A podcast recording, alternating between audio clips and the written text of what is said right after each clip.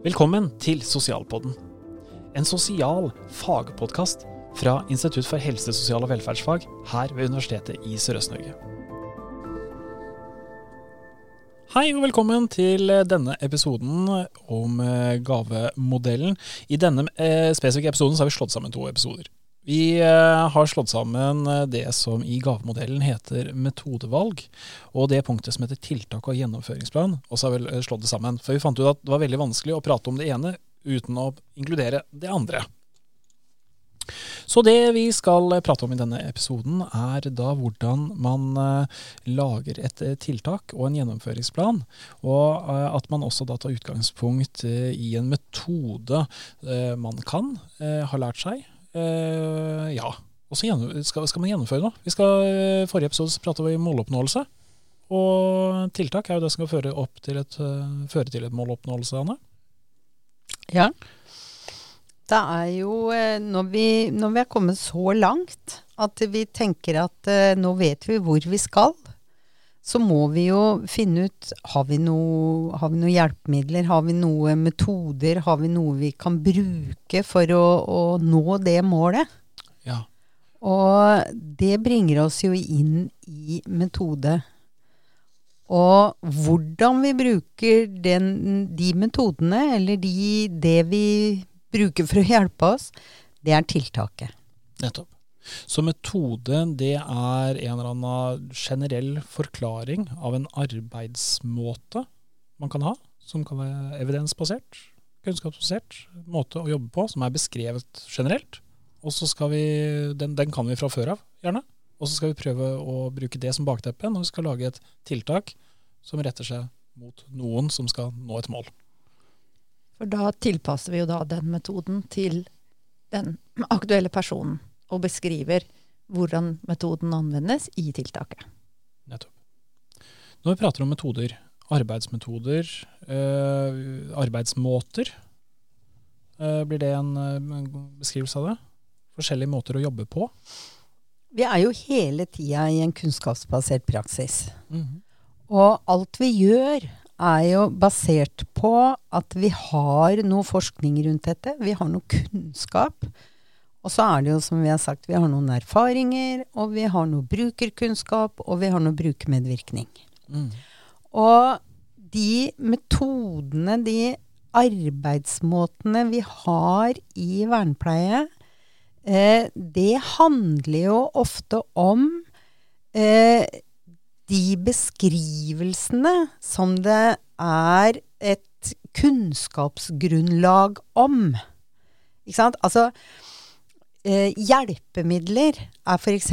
beskrevet ganske vidt. Mm. Hvordan vi bruker hjelpemidler knytta til Per, vil jo være tiltaket. Den generelle beskrivelsen av hjelpemidler er en beskrivelse av metoder som del av en habiliteringsprosess, f.eks. Mens eh, hvordan vi bruker hjelpemidlene da for å gå inn med habilitering knytta til Per, er tiltaket.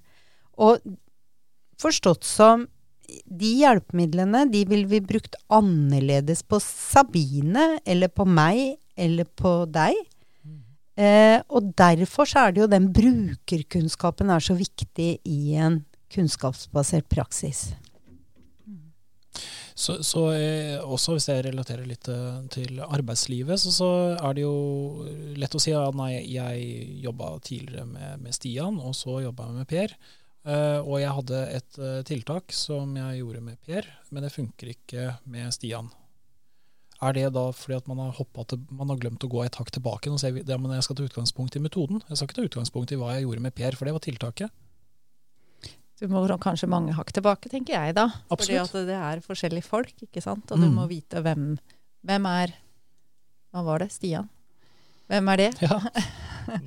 og, og, hva er Stian sine mål? Og noe som var godt for Fungerte godt for Per, fungerer ikke så godt for Stian. Fordi at det er et annet menneske.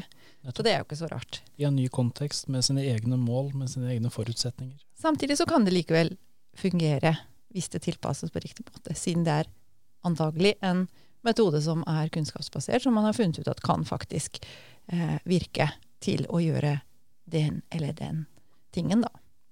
Mm. Så metoden kan jo være den samme. Ja. Måten du bruker den på, må tilpasses den enkeltes funksjonsevne. Absolutt. Og da må du jo inn og kartlegge igjen. Hvem er nå denne Stian, da? Og hvordan skal jeg forstå han? Og hva er målet med det jeg skal gjøre med han? Mm. Men som vernepleiere, hvilke metoder kan vi? Det er jo mange ulike metoder. Det, det er litt vanskelig, tenker jeg, å skulle ramse opp. eh, Ja, for vi har, vi, vi har ikke denne metodehåndboka vår. Nei, vi, vi har ikke det. Nei. Eh, så, og vernepleiere henter jo også metoder fra mange ulike felt. Eh, det som jeg tenker er viktig, er jo at de metodene vi skal bruke, de skal være kunnskapsbaserte. Eh, at det er ikke sånn at vi bare finner på noe, og så gjør vi det. Fordi at det, jeg syns det hørtes lurt ut. Eller fordi at jeg har lest om det i VG. Men det skal være Vi skal vite, vi skal ha undersøkt om dette er noe som faktisk kan ha virkning, og er beskrevet et sted. Eh, sånn, sånn at det eh, Ja, det, det er viktig. Men det kan være mange ulike ting. ikke sant? Det kan handle om hvordan vi kommuniserer med folk, eller det kan handle om hvordan vi regulerer eh, atferd. Eh, hvordan vi tilrettelegger for læring. Hvordan vi strukturerer hverdagen. Eh, det, det er mange ulike eh, arbeidsmåter da, som metoder jo er. Og som helsepersonell så kan det være prosedyrer. Vi har jo klare prosedyrer for hvordan vi håndterer f.eks. et sårstell eller stell av pasient i seng, og da har vi jo metoder for hvordan vi gjør det, og de er jo like kanskje for helsepersonell, og det er jo også en type tilnærming for vernepleiere. Ja, da blir det veldig enkelt igjen for meg å se, se for meg, når du da lærer deg forskjellige typer helseprosedyrer, så, så har du en beskrivelse. Først gjør du dette, så skal du gjøre dette, da skal du bruke dette medikamentet, du skal ha midten av såret til sårkanten. Så er den beskrevet, og den er jo generelt beskrevet. Den er jo ikke beskrevet i forhold til om dette skal utføres på et barn, eller om det skal føres ut som et barn som er redd, eller et barn som eh, syns dette er kjempefint, eller hvordan du prater med denne samtidig. Det er en mer mekanisk beskrivelse av hvordan man også har forska på den beste måten å gjennomføre et sårstell på. Men du som eh, profesjonsutøver sitter jo der og skal utføre det på, på en måte. Eh, og da, da, da er det jo en, et menneske som er imellom der, en profesjonsutøver, som må ha noe kompetanse. Og da begynner vi å gå over fra beskrivelsen av et metode til at du skal jobbe mot et spesifikt tiltak med en gjennomføringsplan. Som er tilpassa den som har det såret. Nettopp. Og det såret kan variere fra person til person, så du må tilpasse den prosedyren til den personen du har foran deg. Og da må du kanskje bruke andre metoder i tillegg, ikke sant? F.eks. kommunikasjonsmetoder. Altså hvis, hvis eh, dette her er en person som eh, må ha et enkelt språk, så må jeg gjøre det. Da må jeg jobbe med forenkling. Eller jeg må jobbe med å bruke støtte i form av eh, bilder. Eh, så, så det det er jo, jeg tenker at I vårt arbeid så er det veldig ofte en, et, et bredt metodetilfang, da, hvis vi kan si det. Vi henter fra mange steder Nettopp. og må kombinere. Mm. Og igjen helt avhengig av hvem vi jobber med. Og vi, f.eks. så jobber jo vernepleiere eh, Eller vernepleiere kan en del om kognitive vansker. Og som Sabine sier, når du skal kommunisere med noen som har kognitive vansker, så kan kanskje det å bruke bildestøtte være aktuelt. Og da er jo det Det er det skrevet mye om, det er det forska mye på. Det er beskrevet i litteraturen. Men hvordan jeg bruker det på Per, det er det tiltaket som da er tilpassa eh, Per, fordi jeg også har en brukerkunnskap i en kunnskapsbasert praksis. Mm. Det er jo litt som vi nevner også til studentene våre i undervisning. Studenter kan si at dette er en situasjon jeg ikke har lært om i eh, boka. Ja, men nei, for Vi har ikke bøker nok, eller vi har ikke tid nok til å lære om alle situasjoner du kan komme opp til. Men vi kan lære deg noen metoder, og så kan vi lære deg det andre vi prater om. Og så skal du til slutt være en profesjonsutøver som klarer å eh, ta det gapet imellom de to.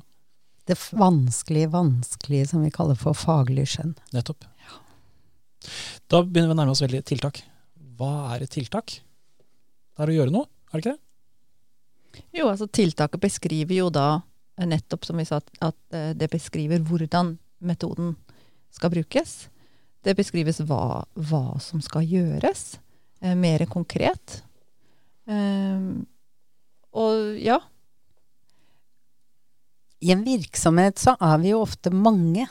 Ja. Det er jo ikke bare én som jobber med Per. Vi er kanskje en hel personalgruppe.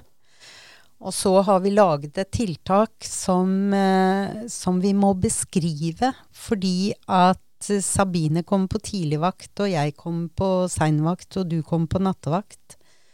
Og hvis tiltaket er sånn da at alle vi tre skal jobbe med Per, eller jobbe med dette tiltaket med Per, så må vi jo ha en beskrivelse som gjør at vi kan gjenkjenne hva vi skal gjøre. Nettopp. Og særlig når du jobber med personer med kognitive vansker, så er det vanskelig hvis jeg gjør det på min måte, Sabine på sin måte og du på din måte. Mm. Sånn at det å beskrive et tiltak, det er derfor vi snakker om i gavemodellen tiltak med gjennomføringsplan. Og da er det å være beskrivende på hva er det vi skal gjøre. Mm. Og sånn at alle vet hva det er de skal gjøre. Og så vet de hvordan de skal gjøre det. Og så vet de når de skal gjøre det. Og så vet de hvor de skal gjøre det. Og så vet de hvordan det skal dokumenteres. Nettopp. For det, bare i det hele tatt En gjennomføringsplan er jo en dokumentasjon på hvordan man skal gjøre, gjøre noe. Og så er det da en beskrivelse etterpå. Hvordan har det blitt gjort? Er det det du er inne på? Ja, hvis jeg er på tidligvakt, Ja. så må jeg vite hvordan jeg dokumenterer resultatet av det å jobbe med det tiltaket med Per. Ja. Og, og da er det laget noe, må det lages noen prosedyrer for hva jeg beskriver, hvor jeg dokumenterer hva jeg har gjort, og hvordan det gikk. Nettopp. Fordi det er vi, vi, Alt vi holder på med, må vi også lage planer for evaluering. Det skal vi komme inn på etterpå. Ja. Men derfor så er dokumentasjonen så viktig. Og denne dokumentasjonen det danner jo da grunnlaget, nettopp som du sier, til evaluering. Og eventuelt seinere en ny kartlegging. Hvordan var det man gjorde det tidligere? Jeg tenker også, det er noen, det er, Nå snakker vi om å beskrive tiltak ikke sant? og skriftliggjøre. Og, og det, er eh, en, eh, det er en viktig del av det. Og samtidig så går det også an å tenke at man bruker andre former enn skrift. Altså Man kan både skriftliggjøre, men man kan i tillegg f.eks. også filme hva det er man skal gjøre, og hvordan man skal gjøre det. Det er mange som har god erfaring med.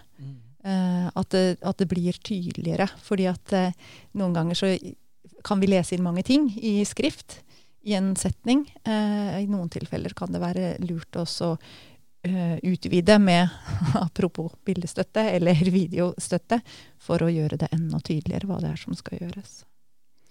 Og så har du dette med å bruke medvirkning, som også er viktig.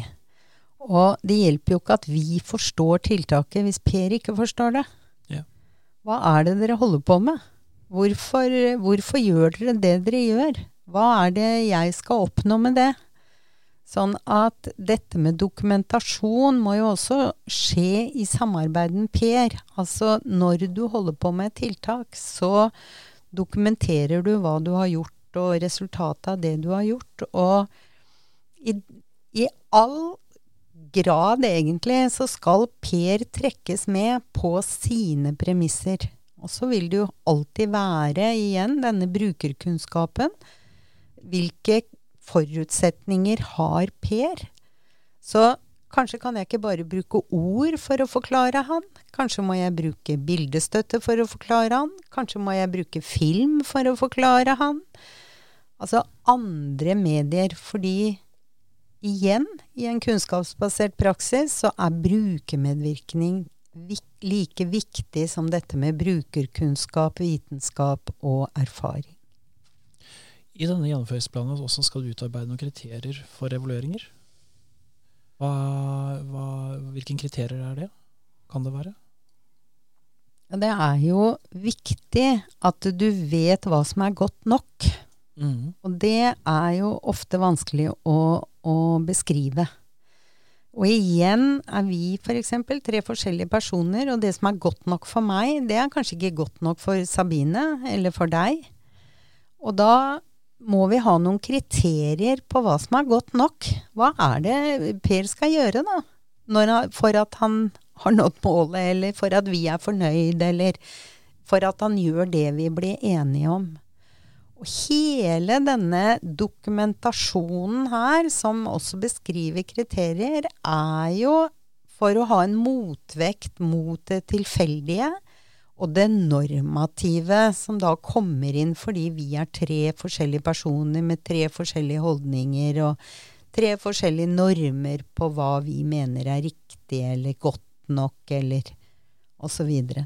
så derfor så er det viktig å å få ned noen kriterier på hva er godt nok. Og hvis du jobber med personer som som eh, eh, kanskje gjennom et langt liv har eh, fått høre at de ikke kan, eller aldri har vært gode nok, eller vært i sammenhenger hvor de aldri er best, Mm.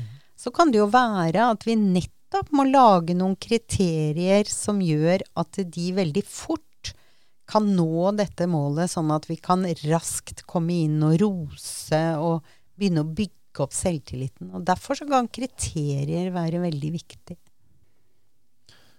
Og da har vi gjennomgått metodevalg og tiltak og gjennomføringsplan. Og det neste vi skal over på da, er eh, evalueringa. Vi ses.